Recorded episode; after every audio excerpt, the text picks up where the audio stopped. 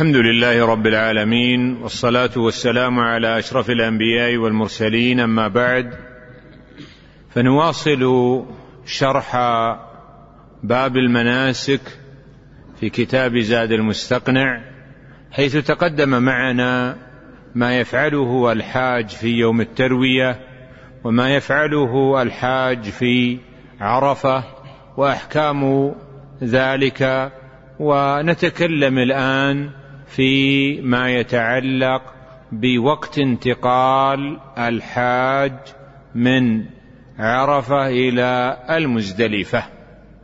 الحمد لله رب العالمين والصلاة والسلام على أشرف الأنبياء والمرسلين نبينا محمد وعلى آله وصحبه أجمعين. اللهم اغفر لنا ولشيخنا وللحاضرين والمستمعين. اللهم علمنا ما ينفعنا وانفعنا بما علمتنا وزدنا علما نافعا وعملا صالحا يا أرحم الراحمين. قال المؤلف رحمه الله تعالى ثم يدفع بعد الغروب إلى مزدلفة بسكينة يسرع في الفجوة ويجمع بها بين العشاءين ويبيت بها وله الدفع بعد نصف الليل وقبله فيه دم كوصوله إليها بعد الفجر لا قبله فإذا صلى الصبح أتى المشعر الحرام فيرقاه أو يقف عنده ويحمد الله, ويحمد الله ويكبره ويقرأ فإذا أفضتم من عرفات الآيتين. ويدعو حتى يسفر فإذا بلغ محسرا أسرع رمية حجر وأخذ الحصى وعدده سبعون بين الحمص والبندق فإذا وصل إلى منى وهي من وادي محسر إلى جمرة العقبة رماها بسبع حصيات متعاقبات يرفع يده حتى يرى بياض إبطه ويكبر مع كل حصاه ولا يجزئ الرمي بغيرها ولا بها ثانيا ولا يقف ويقطع التلبية قبلها ويرمي بعد طلوع الشمس ويجزئ بعد نصف الليل ثم ينحر هديا إن كان معه ويحلق أو يقصر من جميع شعره وتقصر منه المرأة أنمله ثم قد حل له كل شيء إلا النساء. والحلاق والتقصير نسك لا يلزم بتأخيره دم ولا بتقديمه على الرمي والنحر. ذكر المؤلف هنا وقت انتقال الحاج من عرفة إلى مزدلفة. وأنه إذا غربت الشمس في اليوم التاسع من شهر ذي الحجة ينتقل الحاج من عرفة إلى المزدلفة. والنبي صلى الله عليه وسلم انتظر الغروب وجلس لحظة بعده ثم دفع من عرفة إلى المزدلفة. وذكرنا أن الصواب أن الوقوف لحظة من الليل في عرفة من الواجبات وأن الوقوف بعرفة مطلقا في يوم عرفة أو ليلة العيد ركن من أركان الحج لا يتم الحج إلا به. ويدفع الناس بعد الغروب إلى المزدلفة بسكينة لأن النبي صلى الله عليه وسلم لما انصرف من العرفة أو من عرفة أوصى أصحابه بالسكينة. وقال أيها الناس السكينة السكينة فليس البر بالإيضاع. ومن هنا فينبغي المنتقلين من عرفة إلى مزدلفة أن يتصفوا بهذه الصفة. قال يسرع في الفجوة. يعني إذا وجد مكانا فارغا من الناس أسرع فيه. فإن النبي صلى الله عليه وسلم كان يسير العنق فإذا وجد فجوة نص أي أسرع أسرع وقليلا. ثم إذا وصل المزدلفة ابتدأ المزدلفة بصلاة المغرب قبل أن يفعل أي شيء. يصلي المغرب ثلاث ركعات ثم يصلي العشاء ركعتين جمعا بينهما وقصرا لصلاة العشاء. و لو قدر أن الإنسان زحم في الطريق من عرفة إلى مزدلفة وخشي فوت الوقت.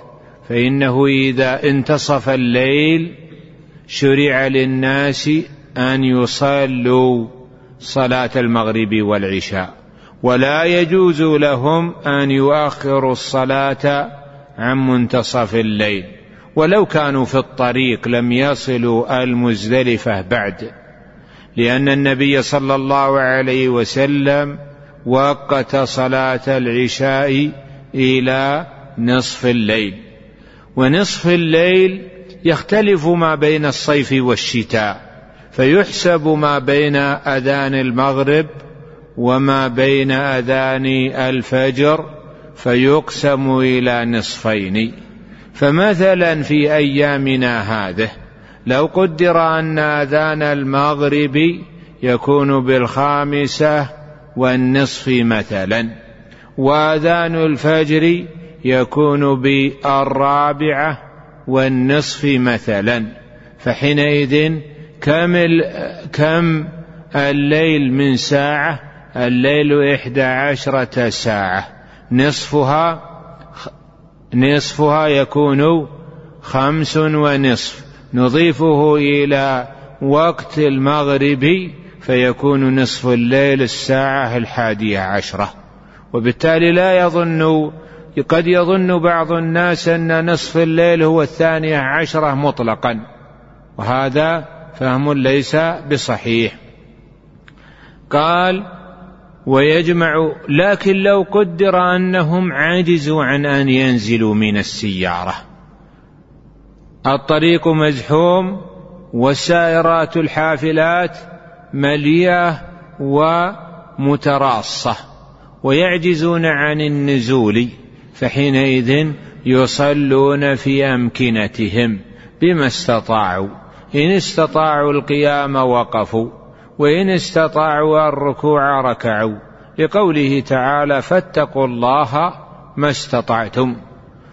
وقال المؤلف ويبيت بها. يعني يشرع للعبد أن يبيت بالمزدلفة ليلة العيد كما فعل النبي صلى الله عليه وسلم. والنبي صلى الله عليه وسلم لم يصل نافلة قبل العشاء ولا قبل المغرب ولا بعدهما. ولم يؤثر عنه صلى الله عليه وسلم أنه صلى تلك الليلة وإنما نام من أجل أن يتنشط على أعمال يوم النحر ليؤديها في يوم النحر. و استثنى كثير من أهل العلم من هذا صلاة الوتر فإن صلاة الوتر صلاة مؤكدة والنصوص قد جاءت بالترغيب فيها والحث عليها ولذلك فإن صلاة الوتر مستثناة من هذا. ثم إذا طلع الفجر فبمجرد طلوع الفجر يصلي صلاة الفجر ويقدمها بسنة الفجر. قال ابن مسعود صلى النبي صلى الله عليه وسلم الفجر حين بزغ الفجر بزغ الفجر. بمجرد طلوع أول ضوء الفجر الصادق صلى. من أجل أن يتمكن من الدعاء بعد الصلاة لأن هذا من مواطن إجابة الدعاء التي يغفل الناس عنها. قال وله يعني يجوز للحاج الدفع بعد نصف الليل. ورد في الحديث أن النبي صلى الله عليه وسلم آذن لضعفة أهله بالدفع من المزدلفة بليل. فكلمة بليل فهمها أهل العلم أن المراد بها نصف الليل كما هو مذهب أحمد والشافعي. وأوجب الإمام أبو حنيفة المكث في المزدلفة إلى طلوع الفجر لما ورد في الحديث أن النبي صلى الله عليه وسلم قال من شهد معنا صلاتنا هذه وكان قد وقف قبل ذلك بعرفة بساعة من ليل أو نهار فقد تم حجه. ولكن حديث الإذن حديث ثابت. فدل هذا على أن المراد المرور بالمزدلفة والبقاء فيها وليس المراد به عين الصلاة. وذهب الإمام مالك إلى أنه لا يلزم المكث إلى منتصف الليل. فإذا نزل الحاج بمزدلفة وجلس مدة ولو قليلة أجزأه هذا. قال لا يجزئه أن يكون على راحلته بل لا بد أن ينزل على الأرض. وهذا فيه نظر لأن الأصل وجوب اتباع النبي صلى الله عليه وسلم في البيتوتة بالمزدلفة. والله تعالى يقول فإذا أفضتم من عرفات فاذكروا الله عند المشعر الحرام. أوجب الذكر عند المشعر الحرام فدل هذا على أنه من مناسك الحج. ولأن النبي صلى الله عليه وسلم رخص لضعفة أهله بليل في النصف الأخير من الليل فدل هذا على أنه قبل ذلك لا يرخص فيه. وأما بالنسبة للترخيص فمن يقول بالجواز بجواز الدفع بليل يقول المعول عليه منتصف الليل كما هو مذهب أحمد والشافعي. لأن كلمة بليل تدل على تدل على ليل غالب ودل هذا على أنه يكون بعد منتصف الليل. وذهب طائفة إلى أنه لا يغادر المزدلفة إلا إذا غاب القمر. والقمر ليلة العاشر من شهر المحرم من شهر ذي الحجة يبقى بعد منتصف الليل. قد لا يغيب إلا الواحدة والنصف.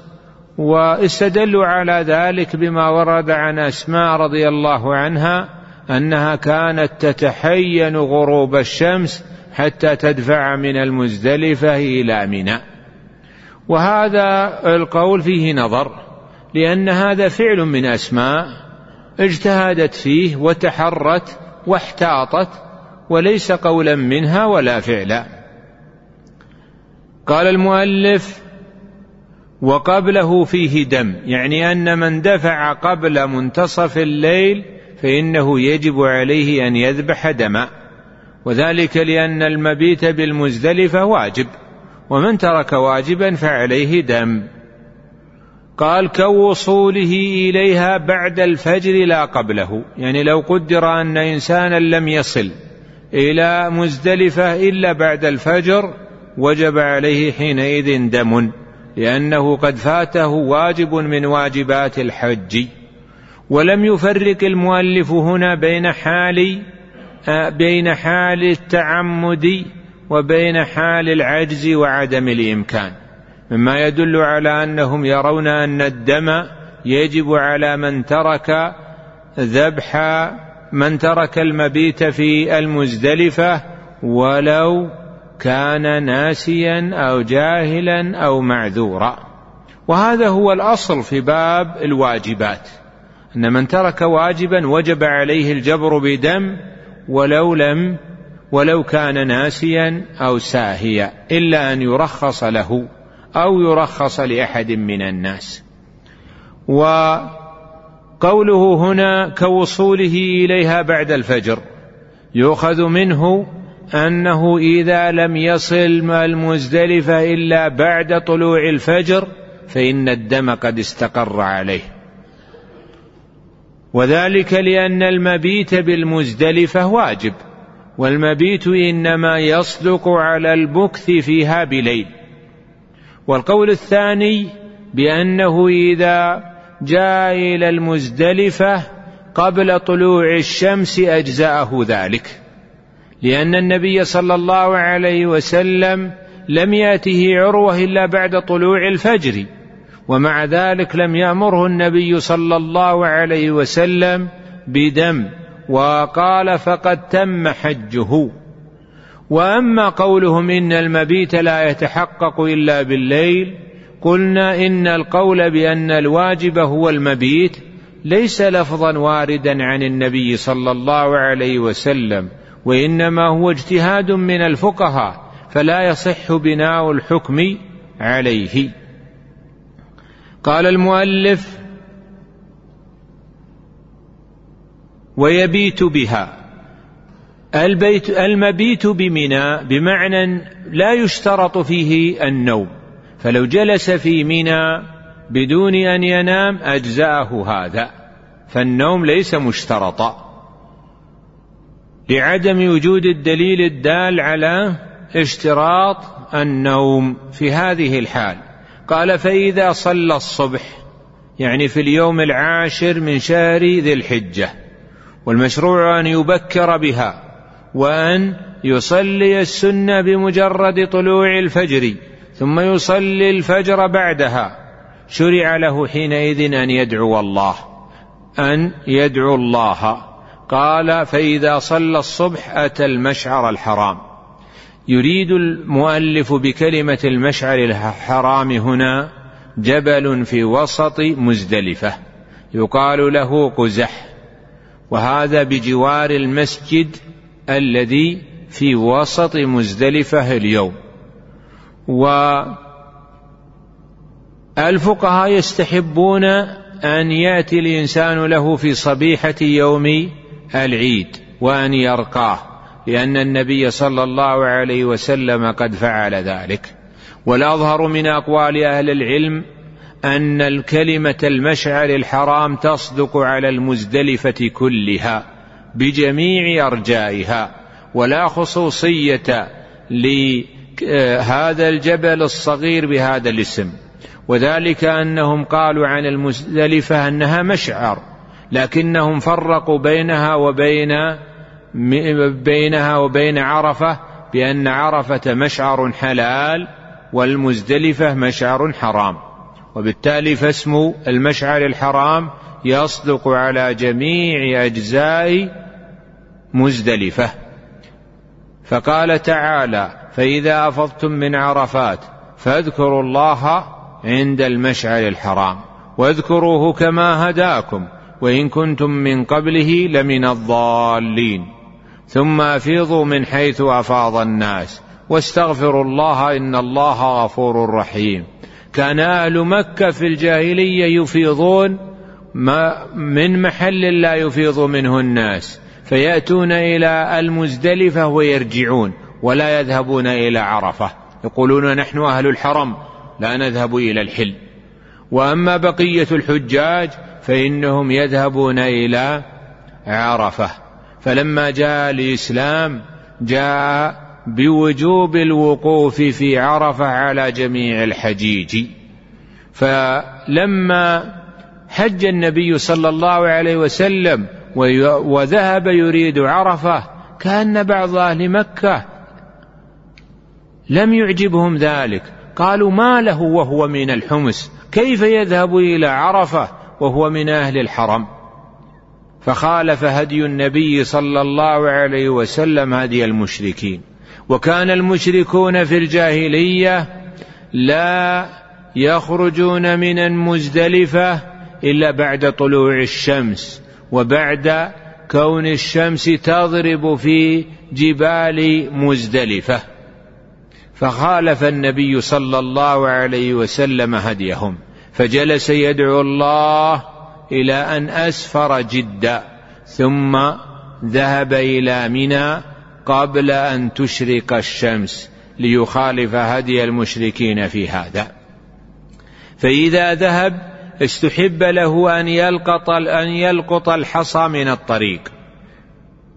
فمن هنا نعلم أن فعل بعض الناس بلقط الحصى بمجرد وروده إلى المزدلفة ويظنون أن ذلك هو السنة هذا فهم خاطئ. إنما فعل النبي صلى الله عليه وسلم ذلك في صبح يوم العيد في الطريق ما بين مزدلفة ومنى. قال ويدعو حتى يسفر فإذا بلغ محسرا.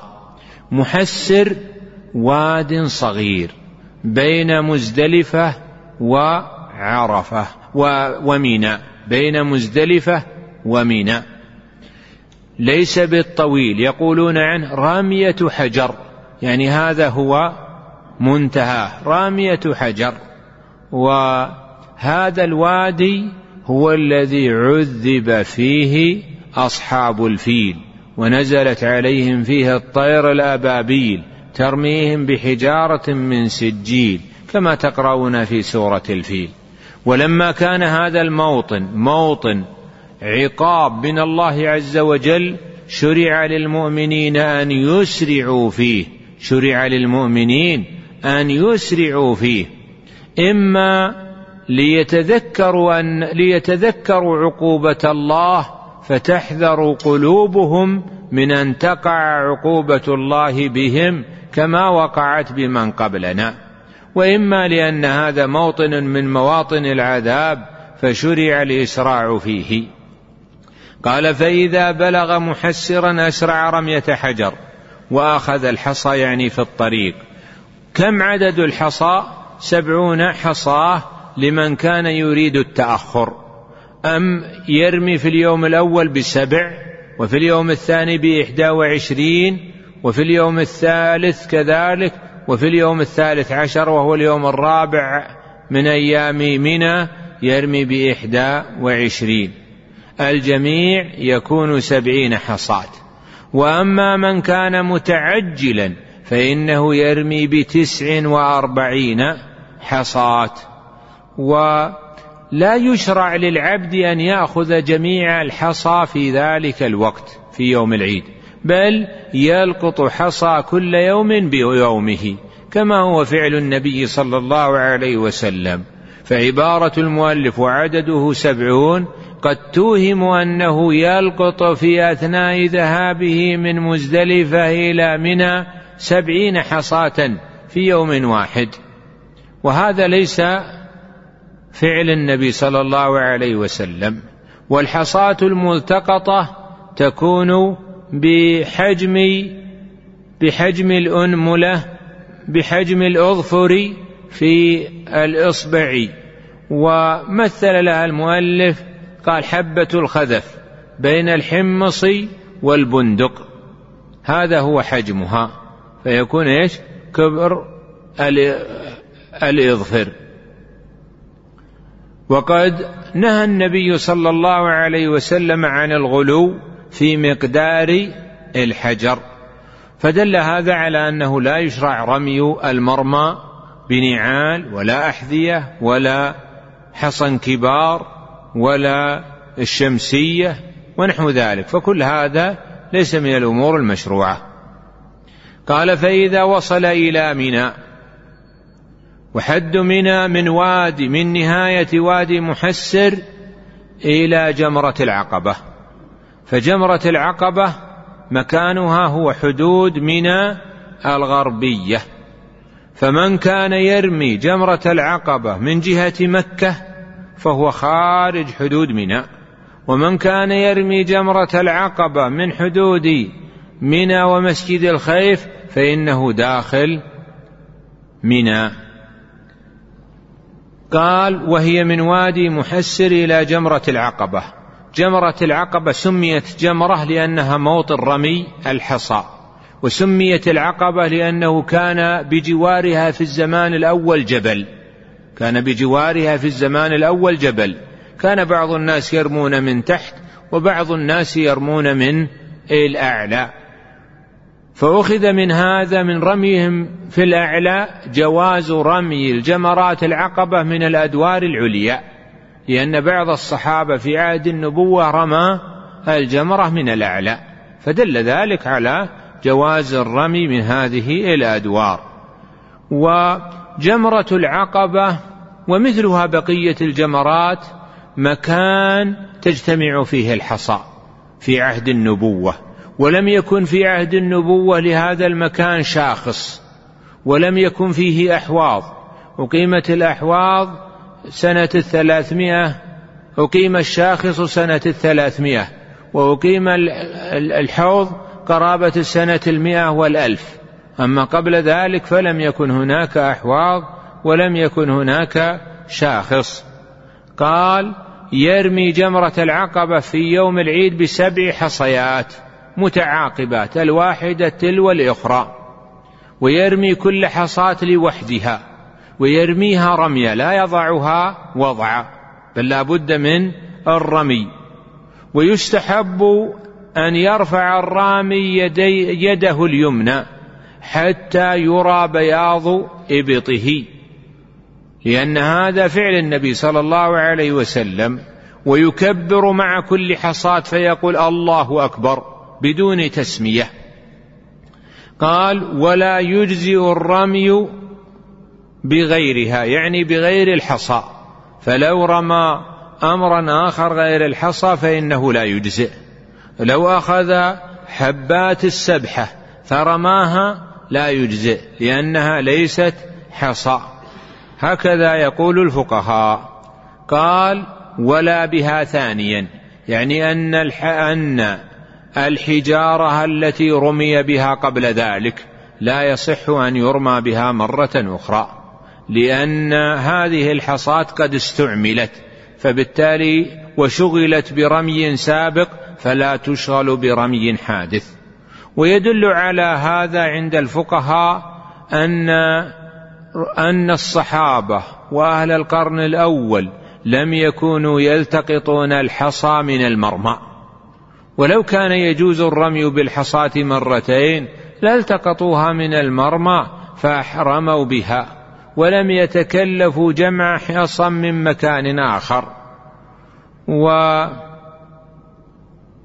لكن الحصى الذي يوجد بجوار مرمى الجمرات هذا لم يرم به إنما سقط من أصحابه أو رمى به أصحابه رميا غير صحيح وغير مجزئ لأنه لم يصل إلى مكان الحوض.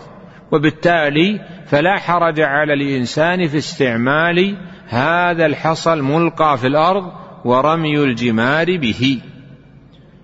قال ولا يقف. يعني إذا فرغ من رمي جمرة العقبة لا يقف للدعاء ولا لغيره وإنما يمضي.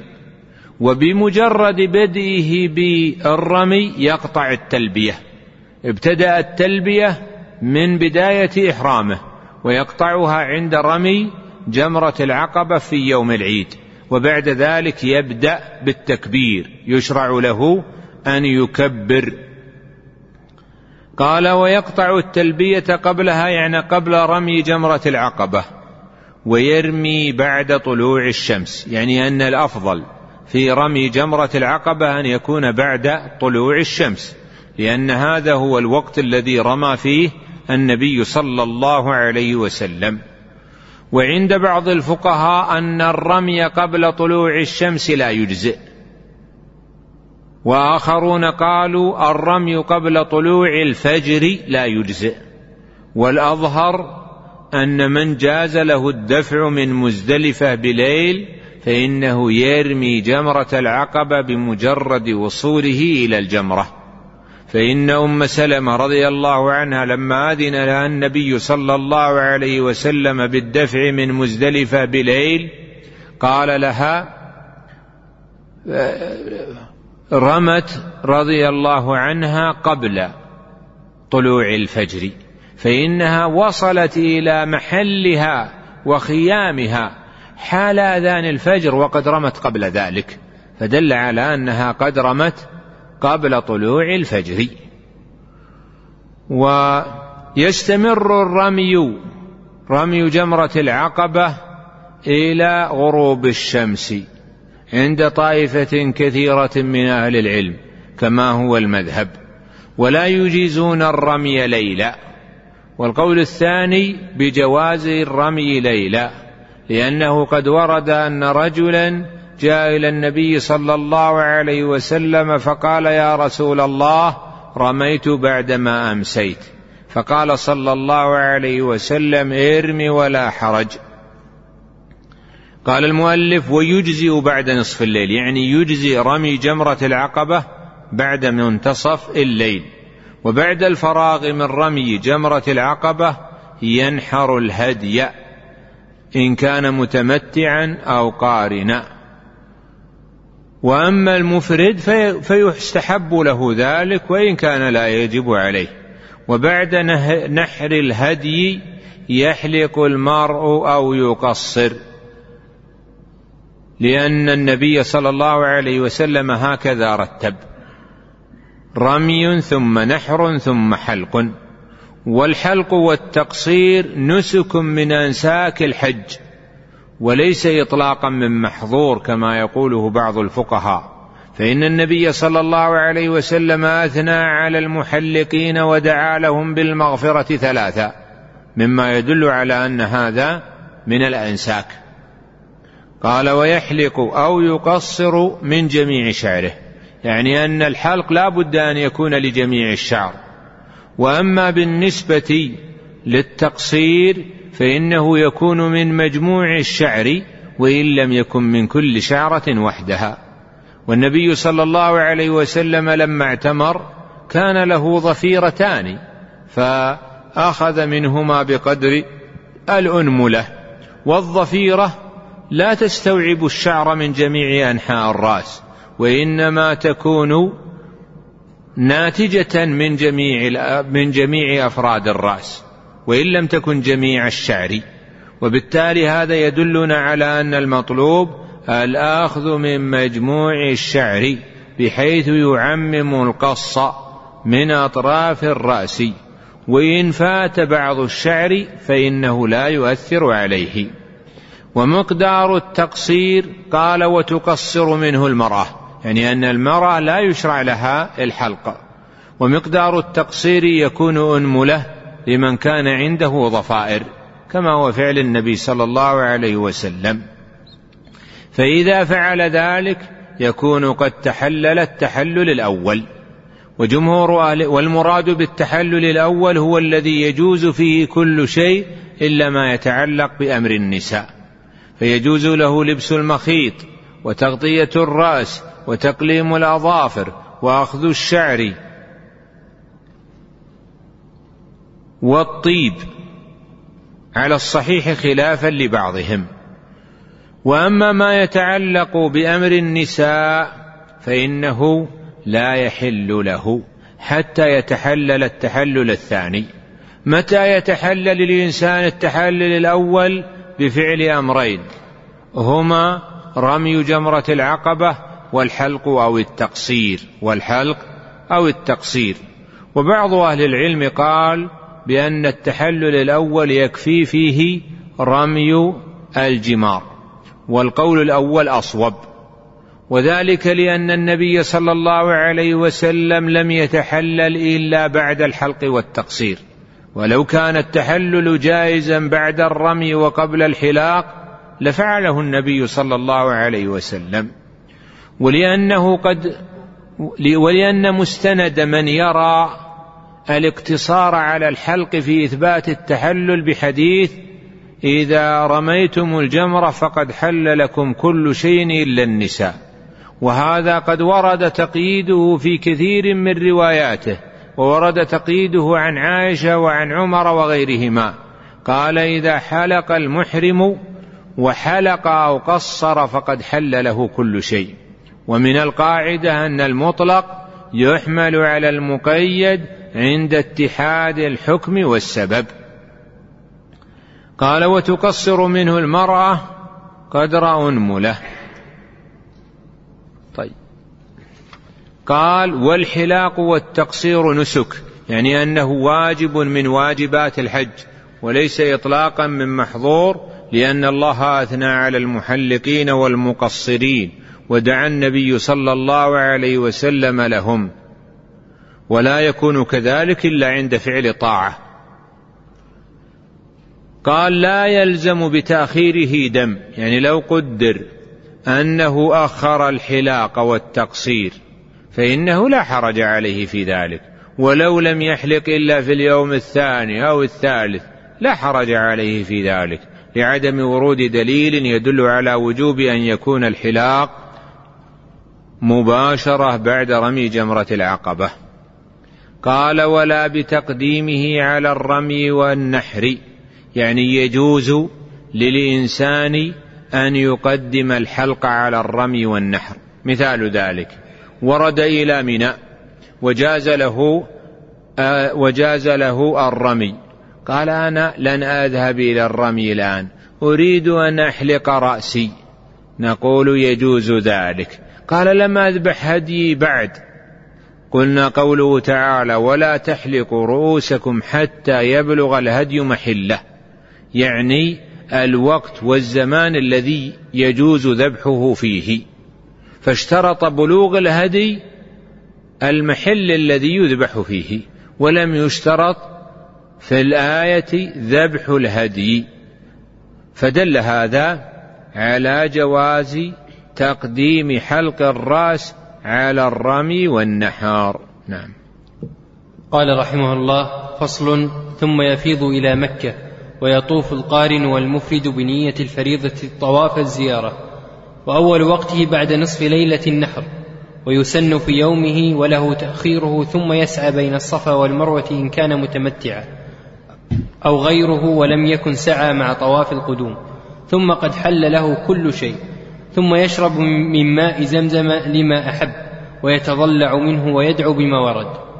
ثم يرجع فيبيت بمنى ثلاث ليال فيرمي الجمرة الأولى وتلي مسجد الخيف بسبع حصيات ويجعلها عن يساره ويتأخر قليلا ويدعو طويلا ثم الوسطى مثلها ثم جمرة العقبة ويجعلها عن يمينه ويستبطن الوادي ولا يقف عندها. يفعل هذا في كل يوم من أيام التشريق بعد الزوال مستقبل القبلة مرتبا وإن رماه كله في الثالث أجزأه ويرتبه بنيته فإن أخره عنه أو لم يبت بها فعليه دم. ومن تعجل في يومين خرج قبل ومن تعجل في يومين خرج قبل الغروب وإلا لزمه المبيت والرمي من الغد. فإذا أراد الخروج من مكة لم يخرج حتى يطوف للوداع فإن أقام أو اتجر بعده أعاده وإن تركه غير حائض رجع إليه فإن شق أو لم يرجع فعليه دم وإن أخر طواف الزيارة فطافه عند الخروج أجزى عن الوداع ويقف غير الحائض بين الركن والباب داعيا بما ورد وتقف الحائض ببابه وتدعو بالدعاء. وتستحب زيارة قبر النبي صلى الله عليه وسلم وقبري صاحبيه. وصفة العمرة أن يحرم بها من الميقات أو من أدنى الحل من مكي ونحوه لا من الحرم. فإذا طاف وسعى وقصر حل وتباح كل وقت وتجزئ عن الفرض. وأركان الحج الإحرام والوقوف وطواف الزيارة والسعي. وواجباته الإحرام من الميقات المعتبر له والوقوف بعرفة إلى الغروب والمبيت لغير أهل السقاية والرعاية بمنى ومزدلفة إلى بعد نصف الليل والرمي والحلاق والوداع والباقي سنن. وأركان العمرة إحرام وطواف وسعي وواجباتها الحلاق والإحرام من ميقاتها فمن ترك الإحرام لم ينعقد نسكه ومن ترك ركنا غيره أو نيته لم يتم نسكه إلا به ومن ترك واجبا فعليه دم أو سنة فلا شيء عليه. لا زال الحديث في ذكر صفة الحج بعد أن رمى الحاج جمرة العقبة ونحر هديه وحلق أو قصر فإنه يستحب له أن يذهب لمكة من أجل أن يطوف طواف الإفاضة. والناس على نوعين مفرد وقارن هذا نوع. ومتمتع. فالمفرد والقارن يكتفي بالسعي الأول إن كان سعى مع طواف القدوم. أما إذا لم يسعى مع طواف القدوم أو لم يقدم إلا إلى عرفة فقط فإنه لا يجزئه إلا أن يأتي بسعي بعد الوقوف في عرفة.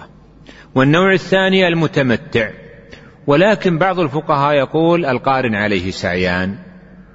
وهذا ليس بصحيح لأن النبي صلى الله عليه وسلم حج قارنا ومع ذلك اكتفى بسعي واحد.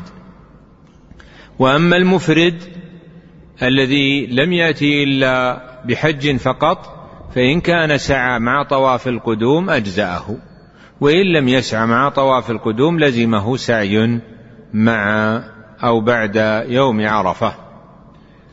قال بنية الفريضة يعني أنه إذا طاف هذا الطواف الذي بعد يوم عرفة ينوي أنه طواف فريضة الحج الذي هو طواف الزيارة. والفقهاء يوجبون هذه النية لحديث إنما الأعمال بالنيات.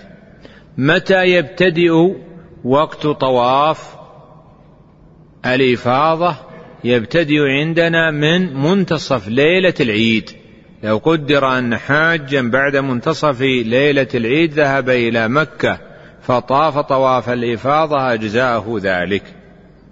ويسن أن يكون طواف الإفاضة في يوم النحر في يوم العيد. لأن هذا من أعمال يوم النحر. قال ويجوز للحاج أن يؤخر طواف القدوم. إذ لا يلزم أن يكون في أيام التشريق كما قال طائفة. ولا يلزم أن يكون في شهر ذي الحجة كما قال آخرون. فلو طاف لطواف الإفاضة في يوم العاشر من شهر محرم أجزأه هذا ولا يجب عليه به دم. وبعد الفراغ من طواف القدوم من طواف الإفاضة هذا يشرع للمتمتع أن يذهب فيأتي بسعي لتمتعه. وأما الآخرون فإنهم قد سعوا قبل ذلك مع طواف القدوم فلا يلزمهم سعي آخر. قال ثم يسعى بين الصفا والمروة إن كان متمتعا. أو غيره يعني أو كان غير متمتع ولم يكن سعى مع طواف القدوم. ثم بعد ذلك بعد الطواف يكون قد جاز له كل شيء وانتفى عنه حكم الإحرام وجاز له أن يطأ زوجته ثم قد حل له كل شيء. ثم يشرب من ماء زمزم لما أحب يعني أنه يشرع للإنسان أن يكثر من شرب ماء زمزم. وينوي بشربه لماء زمزم أن ينيله الله ما يحبه مما ينفعه سواء بطلب علم أو بتعليم الخلق أو بقيام صلاة الليل أو بإحسان الخلق أو بمطلب دنيوي من مال ونحوه. كل هذا جائز. وماء زمزم ماء مبارك. وأما حديث زمزم لما شرب له فكثير من أهل العلم يتوقف في إسناده. قال ويتضلع منه. يعني أنه يشرب من ماء زمزم شيئا كثيرا حتى يصل الماء إلى المعدة فتنتفخ فتصل أجزاء أطرافها إلى أضلاع الصدر. هذا معنى يتضلع. ويدعو بما ورد ورد عن ابن عباس اللهم إني أسألك علما نافعا إلى آخره وهذا لم يثبت مرفوعا. قال ثم يرجع إلى منى بعد فراغه من الطواف والسعي. طيب طواف الإفاضة هل يطبع فيه ولا ما يطبع؟ لا يطبع لماذا؟ طواف القدو طواف الإفاضة يطوفه بثيابه لأنه قد تحلل فكيف يطوف مطبعا؟ فإن طاف قبل الرمي قلنا يكفيه طوافه الأول. طيب يكفيه طوافه الأول في الاطباع. قال ثم يرجع إلى منى يعني أن المستحب للحاج أن لا يبقى بمكة. لأن لم يكن لأنه لم يكن هذا من هدي النبي صلى الله عليه وسلم. فيرمي الجمرة الأولى وهي الجمرة الصغرى القريبة في مسجد الخيف. يعني أن الحاج بعد بعد طوافه للإفاضة وسعيه يستحب له العود إلى منى والمبيت بها واجب. فإذا جاء في اليوم الحادي عشر شرع له أن يرمي الجمرات الثلاث الصغرى ثم الوسطى ثم الكبرى بسبع حصيات لكل جمرة. وقال فيرمي الجمرة الأولى وهي الصغرى وتلي مسجد الخيف تكون موازية له ويرميها بسبع حصيات ويكبر مع كل حصاة. ويستحب أن يجعل الجمرة عن يساره.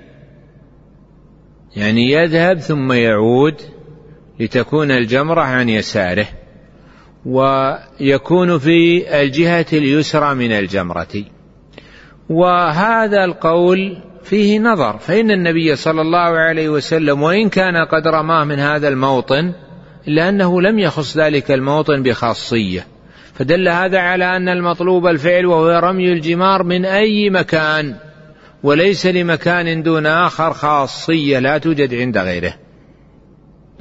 قال فيرمي ويجعلها عن يساره. يعني عندما يذهب يكون وجهه جهة القبلة. ويأتي يترك جمرة الجمرة الصغرى على اليسار ويذهب على جهة اليمين. ويذهب على جهة اليمين. ولكن هذا كما تقدم أنه ليس مقصودا لذاته وإنما فعله النبي صلى الله عليه وسلم لكونه أيسر له.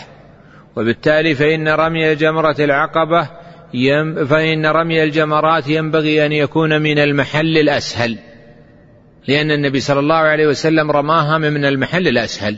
وبالتالي فكل يختار الأسهل عليه مما يجتنب فيه الإيذاء بنفسه والإضرار بغيره. ويتأخر يعني إذا فرغ من رمي الجمرة الصغرى تأخر قليلا. يعني ابتعد عن الجمرة قليلا لئلا يؤذي أهل الرمي.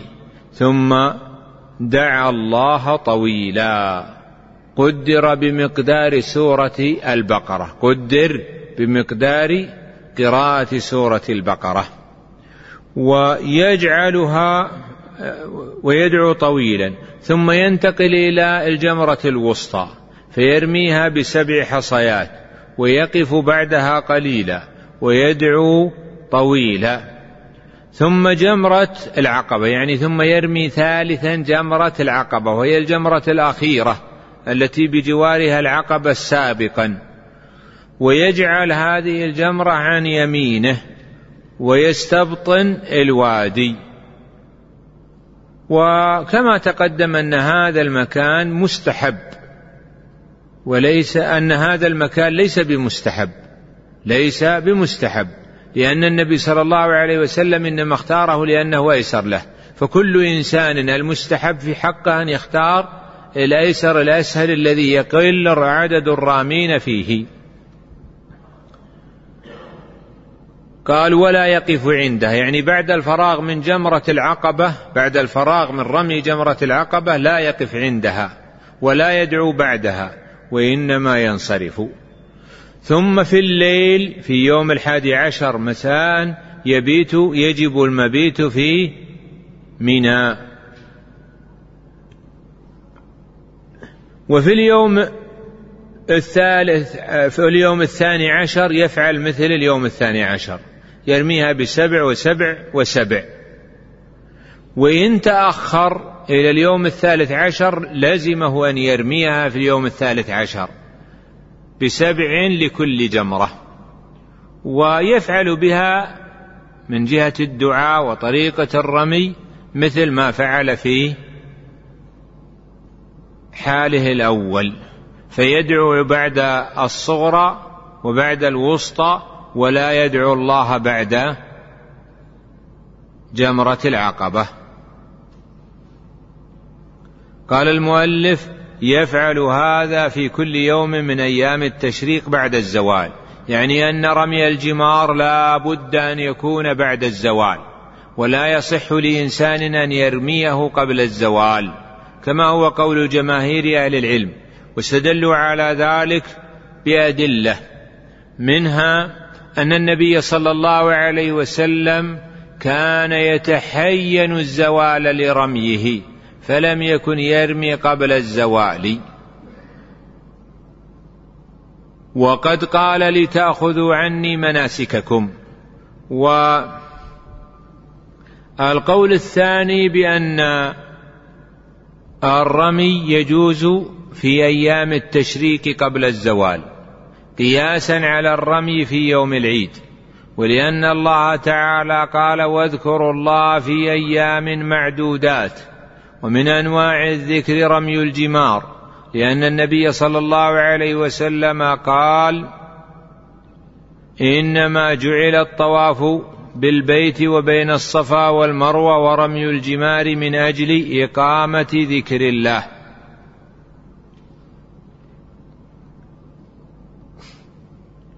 قال المؤلف يفعل ذلك في كل يوم من أيام التشريق بعد الزوال مستقبل القبلة مرتبا. يعني أنه لا بد من الترتيب في رمي الجمار. لو ابتدأ بالكبرى قبل الوسطى والصغرى قلنا يجزئ رمي الصغرى لكن رمي الوسطى ورمي جمرة العقبة لا يجزئ لأنك قد رميته قبل وقته. بمثابة من صلى قبل أن يتوضأ. وإن رماه كله في اليوم الثالث أجزى يعني يجوز للإنسان أن يؤخر رمي الجمار في الحج إلى يوم الثالث عشر آخر يوم. وإن رماه كله يعني ما يتعلق بالأيام السابقة في الثالث أجزاءه لكنه لا يتحلل حتى يرمى عنه. لو قدر أنه رمى جمرة العقبة في اليوم العاشر جاز له أن يتحلل بعد ذلك. قال ويرتبه بنيته. يعني يرتب بين أنواع الرمي بحسب النية. بحيث يقول أبتدئ برمي يوم العيد فيرمي جمرة العقبة بسبع. ثم يعود وينوي بقلبه أن هذا الرمي لليوم الحادي عشر أول أيام التشريك فيرميها بإحدى وعشرين حصاد. ثم ينوي أنه يرمي لليوم الثاني عشر. فهذا استعمل النية من أجل الترتيب بين الواجبات وإن لم يكن يترتب عليه عمل بالنسبة للمرأة لكن يترتب عليه عمل بالنسبة لغيرها. قال فإن أخره عنه يعني إذا أخر الرمي عن اليوم الثالث من أيام التشريق وهو اليوم الثالث عشر. فحينئذ يجب عليه دم لأن رمي الجمار واجب والواجب لا بد من جبره بدم. قال أو لم يبت بها. يعني لو قدر أن إنسانا لم يبت بميناء فوجب عليه حينئذ دم لأن المبيت بمنى واجب. من واجبات الحج والواجبات إذا فاتت والواجبات إذا فاتت فإنه حينئذ يجب جبرها بدم. ومثله أيضا المبيت بمنى فإن جمهور أهل العلم يقولون هو من الواجبات لأن النبي صلى الله عليه وسلم رخص للسقاة والرعاة فدل هذا على أن غيرهم لا يرخص له في ترك البيتوتة من منى. ومن ترك المبيت بمنى جميع الليالي وجب عليه دم. أما من ترك المبيت بمنى ليلة فإن الفق... وبات باقي الليالي فإن الفقهاء يقولون يجب عليه يجب عليه شيء. ولعل هذا القول الثاني أولى مما ورد في المذهب. المذهب أن من ظاهر عبارة المذهب أن من ترك ليلة وجب عليه الدم. ترك مبيت ليلة بمنى والقول الثاني أن من ترك مبيت ليلة لم يجب عليه الدم. إنما يجب الدم على من ترك جميع الليالي. قال المؤلف ومن تعجل في يومين يعني إذا أراد الحاج أن يتعجل فإنه لا بد أن يرمي جمرة يرمي الجمرات يوم الثاني عشر. ثم بعد ذلك إذا أراد التعجل لزمه الخروج من منى قبل غروب الشمس. فإن غربت الشمس وهو لا زال في منى وجب عليه البقاء والمبيت بها والرمي من الغد. لأن الله تعالى قال فمن تعجل في يومين واليوم اسم للنهار. فدل هذا على أن التعجل لا بد أن يكون في النهار. فإذا أدركه غروب الشمس لزمه المبيت والرمي من الغد. ثم بعد ذلك بعد فراغه من المناسك أما المتأخر فإنه يبقى إلى اليوم الثالث عشر. لو قدر أن الحاج بقي في اليوم الرابع عشر في منى فهذا ليس من المناسك في شيء ولا يرمي ولا يفعل شيئا من مناسك الحج. قال المؤلف فإذا أراد الخروج من مكة بعد فراغه من أنساكه ورغبته في السفر إلى أهله فإنه لا يجوز له أن يخرج حتى يطوف طواف الوداع. كما قال بذلك الجماهير. قال الجماهير طواف الوداع واجب. لا يجوز للحاج أن يخرج من مكة إلا بعد أن يطوف طواف الوداع. لما ورد في حديث ابن عباس قال أمر النبي صلى الله عليه وسلم ألا ينفر أحد حتى يكون آخر عهده البيت. فإذا أراد الخروج من مكة وجب عليه أن يطوف للوداع وهو من الواجبات. واستثني من هذا الحائض والنفساء. فإنها إذا كانت قد طافت طواف الإفاضة فإنها لا تطالب بطواف الوداع. لأن النبي صلى الله عليه وسلم رخص لصفية في ترك طواف الوداع. فقال لما أراد أن يدخل عليها قيل بأن له بأنها حائض. فقال أحابستنا هي؟ فقيل قد أفاضت يعني طافت طواف الإفاضة. قال فلتنفر إذن.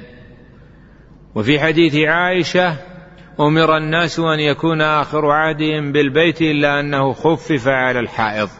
والنفساء تماثلها في هذا الحكم. فإذا طاف للوداع خرج وطواف الوداع سبعة أشواط. سبعة أشواط. يشترط فيه ما يشترط في الطواف فيما ذكرناه سابقا. فإن قدر أنه بعد طواف الوداع جلس وأقام أو أصبح يتاجر بيعا وشراء فإن الطواف الأول لا يجزيه ويلزمه يلزمه طواف جديد. أما إذا اشترى ما ينتفع به في مسيره فهذا لا حرج على طائف الوداع أن يفعله.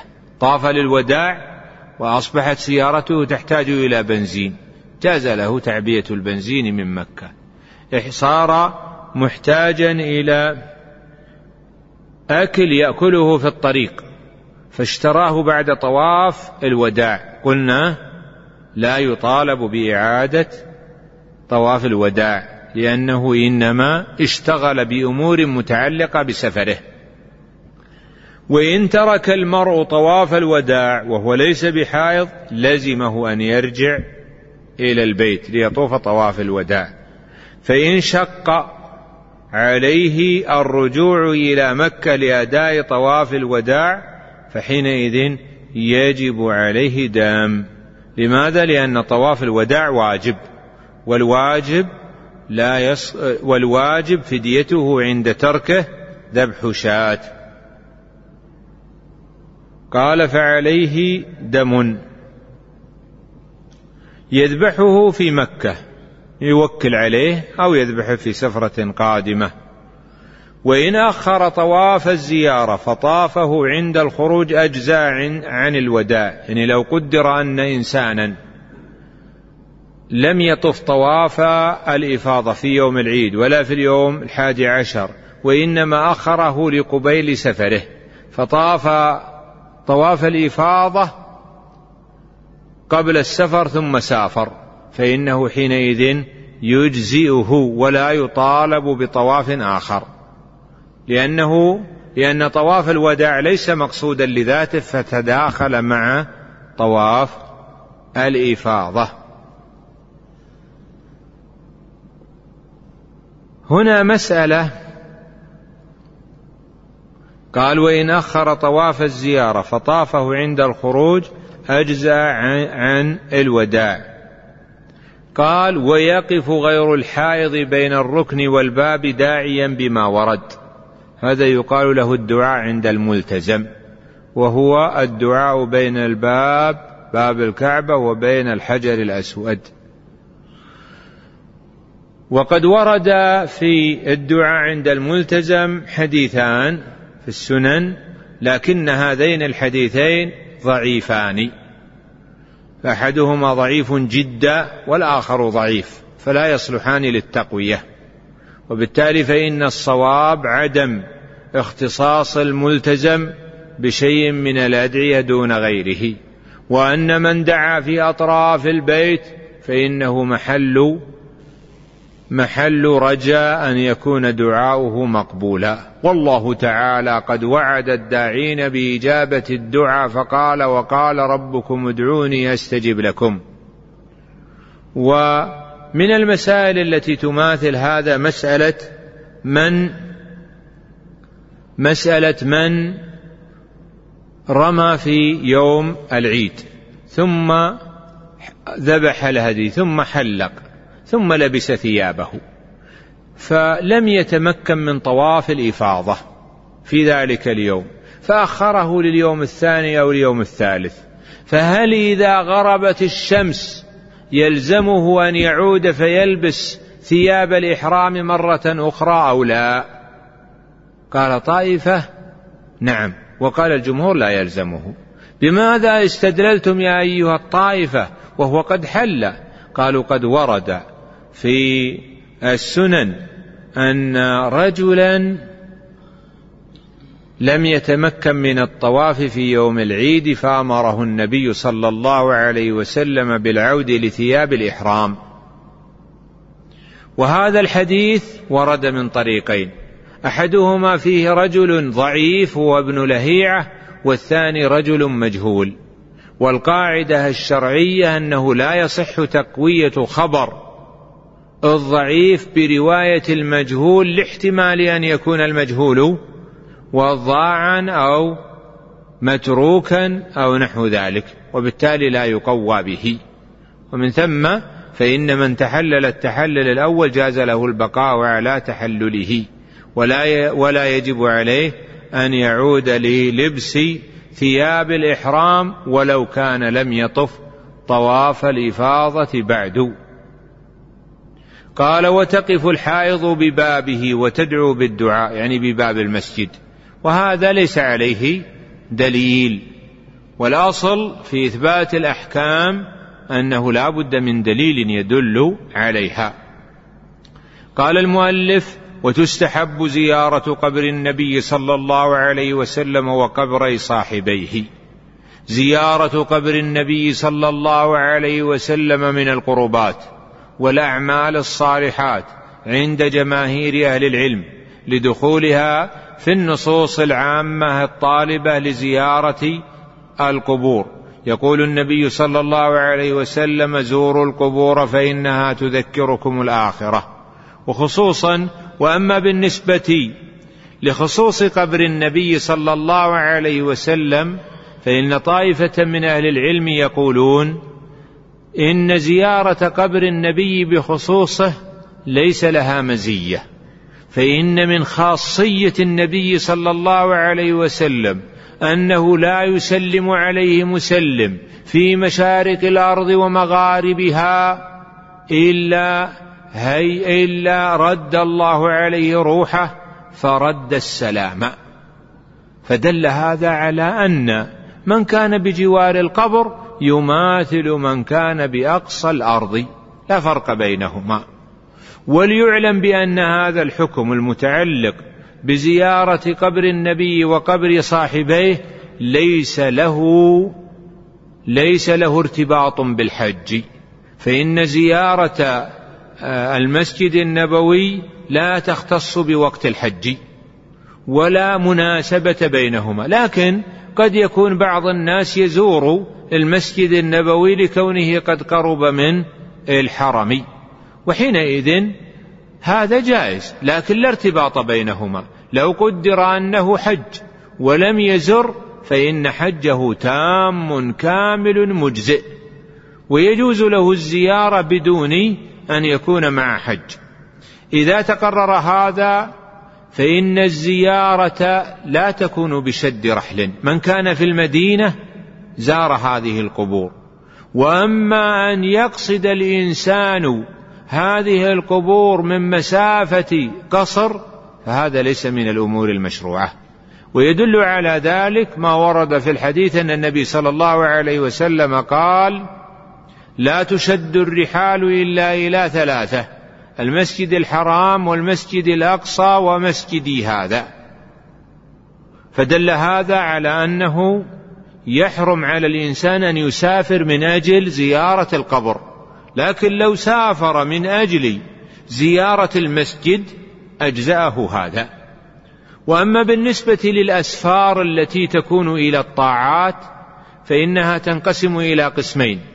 القسم الأول سفر لعمل ليس لخصوصية البقعة فهذا جائز. كمن يسافر للتعلم أو يسافر للجهاد أو يسافر من أجل بذل الصدقة أو المساعدة في الخير فهو لم يقصد البقعة لذاتها وإنما قصد العمل الذي فيها فهذا جائز ولا حرج فيه ولا يدخل في الحديث.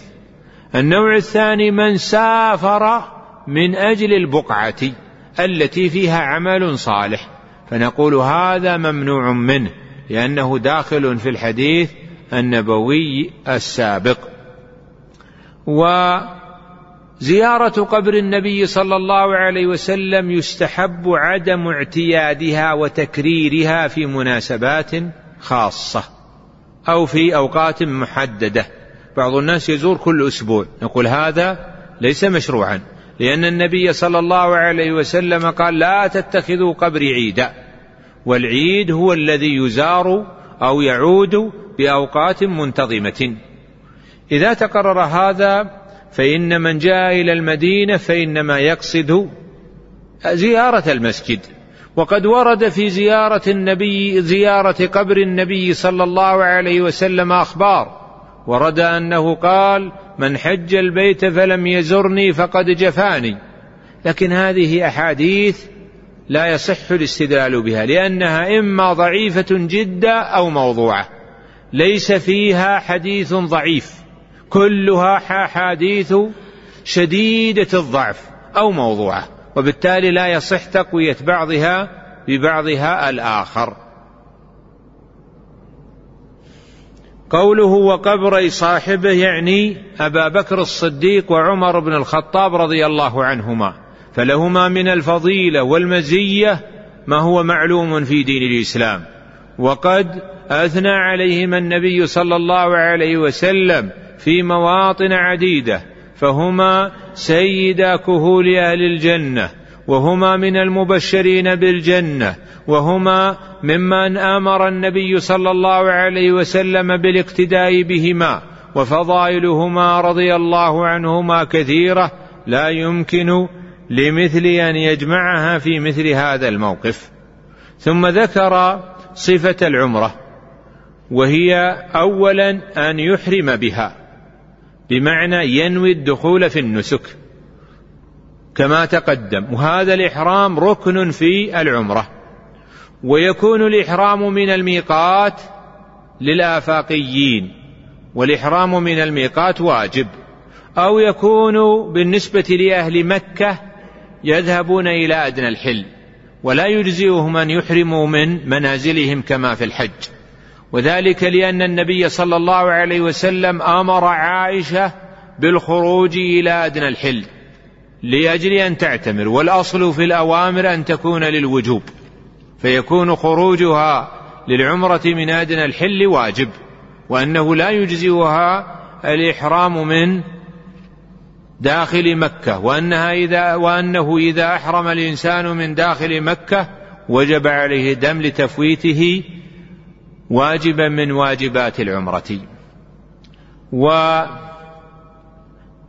أما بالنسبة ويدل على ذلك أن النبي صلى الله عليه وسلم كان يريد التعجل ويريد الذهاب إلى المدينة فانتظر عائشة حتى أتت.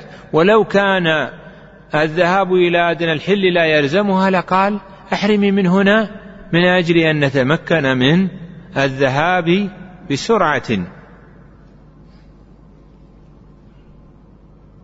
قال أما أما من كان منزله بين أدنى الحل وبين المواقيت كمن في جدة أو في الجموم ونحو ذلك فإنه يحرم من مسكنه.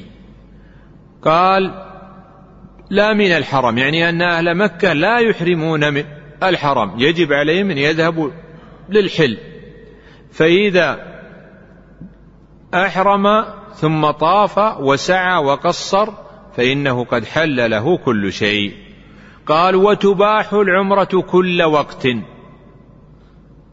لأن بعض الفقهاء يقول لا تصح العمرة ولا تجوز في أيام التشريق. كما هو مذهب الإمام أبي حنيفة. فالمؤلف يرى جوازها في كل وقت. وظاهر هذا أن من تحلل التحلل الأول ولم يتحلل التحلل الثاني أنه يجوز له العمرة. وبعض الفقهاء يقول لا هذا لا زالت ذمته مشغولة بالإحرام الأول إحرام الحج فلا يصح له أن يدخل عليها عمرة. ولعل هذا القول أقوى. وجمهور أهل العلم يكرهون تكرار العمرة. وقيده مالك بسنة يقول لا يعتمر في السنة إلا مرة واحدة فعل النبي صلى الله عليه وسلم. وقال آخرون كل أربعة أشهر لأنه قد ورد عن بعض الصحابة أنه في الطائف فإذا نما شعره وأراد أن يحلقه ذهب للعمرة. وهذا يكون في أربعة أشهر. وحدده آخرون بشهر. قالوا لا يعتمر في الشهر أكثر من مرة. وسبب هذا أن تكرار العمرة لم يكن من عهد النبي صلى الله عليه وسلم ولا فعله ولا فعل أصحابه وخير الهدي هديهم. أما من كان في مكة من الحجاج فإنه لا يستحب له أن يأتي بعمرة بل الأولى في حقه أن يشتغل بالطواف فالطواف أعظم أجرا من العمرة والصلاة في الحرم أعظم أجرا من الطواف. فكيف يفوت الأجر العظيم في الصلاة التي بمائة ألف صلاة بذهاب وإياب أقل أجرا قال وتجزئ عن الفرض يعني أن عمرة التمتع والعمرة في أشهر الحج والعمرة في أيام التشريق مجزئة وتجزئ عن عمرة الفرض لأن العمرة واجبة في العمر مرة على الصحيح كما تقدم. فهذه العمرة المكية تجزئ الآفاق عن عمرة الإسلام. ثم ذكر المؤلف أركان الحج. فقال الإحرام لقوله فمن فرض فيهن الحج. ومن لم ومن ترك الإحرام لم ينعقد نسكه. والثاني الوقوف بعرفة.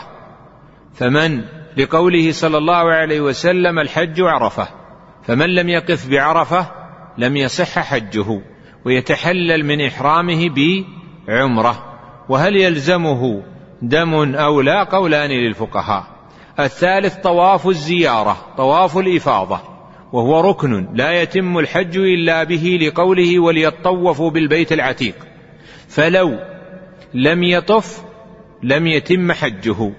ويجوز له أن يؤخره ولو إلى المحرم أو صفر لكن لا يسافر حتى يطوف طواف الإفاضة. وذلك لأن النبي صلى الله عليه وسلم قال عن صفية أحابستنا هي وقال لا ينفر أحدكم حتى يكون آخر عهده بالبيت فكيف يصح له أن ينفر وهو لم يطف؟ للإفاضة. والركن الرابع عند الفقهاء السعي. وقد تقدم أن الفقهاء لهم ثلاثة أقوال ورجحنا أن الصواب أن السعي واجب وليس من الأركان. لقوله تعالى إن الصفا والمروة من شعائر الله فجعلها من شعائر الله. ولأن النبي سعى بينهما وقال لتأخذوا عني مناسككم. ولأنه قال يا أيها الناس إن الله قد كتب عليكم السعي فاسعوا. وواجبات الحج التي إذا فاتت وجب بها دم. ولا يجوز للإنسان أن يتركها. بعض الناس قد يترك الواجب ويقول سأذبح الدم لأنه حينئذ يكون عليه أمران الدم وكذلك الإثم.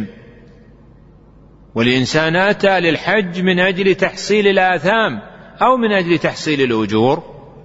قال وواجبات الحج الإحرام من الميقات وكل له ميقاته لأن النبي صلى الله عليه وسلم وقت هذه المواقيت وقوله وقت يدل على الإيجاب. والركن الثا والواجب الثاني البقاء في عرفة إلى الغروب بحيث يدرك جزءا من الليل في ليلة العيد وهو في عرفة. لأن النبي صلى الله عليه وسلم بقي في عرفة حتى غروب الشمس وبقي الناس معه ولم يرد عنه ترخيص بالخروج من عرفة قبل غروب الشمس. فدل هذا على أن الوقوف بعرفة إلى غروب الشمس من الواجبات والواجب كما تقدم أن يكون جزء من وقوفه في عرفة من ليلة العيد. الواجب الثالث المبيت بمنى لأن النبي صلى الله عليه وسلم بات بها وقال لتأخذوا عني مناسككم ولأنه رخص للرعاة والسقاة فدل على أن غيرهم لا يرخص له. ويستثنى من هذا أهل السقاية الذين يسقون الحجيج فيسقط عنهم واجب المبيت بميناء ويستثنى أيضا الرعاة الذين يرعون بهائمهم. فهؤلاء يسقط عنهم المبيت بميناء وهكذا أهل الأعذار. المريض في المستشفى يسقط عنه هذا الواجب. وكذلك الرجل الذي تاه أو حبسته الطرقات لم يتمكن من الوصول إلى منى سقط عنه هذا الواجب. ومثله من لم يجد مكانا مناسبا في منى سقط عنه هذا الواجب. ومن واجبات الحج المبيت بمزدلفة إلى بعد نصف الليل. لأن النبي صلى الله عليه وسلم فعله والأصل في أفعاله الوجوب ولأنه رخص للضعفه بمغادرة منى بعد منتصف الليل. فدل ذلك على أنه لا يرخص لهم بمغادرة مزدلفة قبل ذلك.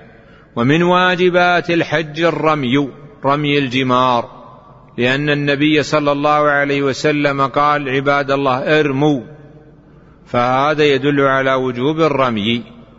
ومن واجبات الحج الحلاق لقوله تعالى محلقين رؤوسكم ومقصرين لا تخافون ولأن النبي صلى الله عليه وسلم أمر أصحابه بذلك ولأنه أثنى على المحالقين والمقصرين مما يدل على أنه من الأنساب. ومن واجبات الحج أيضا طواف الوداع فإنه واجب لأن النبي صلى الله عليه وسلم أمر به ولأنه رخص للحائض والنفساء فدل على أن غيرهما لا يرخص له في ترك طواف الوداع. وباقي ما ذكرناه سابقا من أعمال الحج يكون من السنن وليس من الواجبات. وأما أركان العمرة فأولها الإحرام وثانيها الطواف بالبيت وثالثها السعي وفيه من الخلاف مثل السعي في الحج. وأما واجبات العمرة فأولها الإحرام من الميقات. فمن ترك الإحرام من الميقات وأحرم دون الميقات فعليه دم. وثانيها الحلاق. ومن ترك الإحرام بالكلية لم ينعقد نسكه. ومن أحرم دون المواقيت فعليه دم. ومن ترك ركنا غير الإحرام فإنه لا يتم نسكه إلا به. من ترك الطواف بالبيت طواف الإفاضة لم يتم حجه إلا به. أو ترك الوقوف بعرفة لم يتم حجه إلا به. ومن ترك حتى يأتي بذلك الركن. أما الواجبات فإن من تركها فعليه دم. وما ورد عن ابن عباس من ترك نسكا فعليه دم. وهذا قول من مفتي الصحابة في الحج ينتشر قوله فكان إجماعا سكوتيا. أما من ترك سنة فليس عليه شيء لأن السنة يجوز تركها. هذا ما يتعلق بصفة الحج. نسأل الله جل وعلا أن يرزقنا وإياكم العلم النافع والعمل الصالح وأن يجعلنا وإياكم من الهداة المهتدين. هذا والله أعلم. وصلى الله على نبينا محمد وعلى آله وأصحابه وأتباعه وسلم تسليما كثيرا إلى يوم الدين.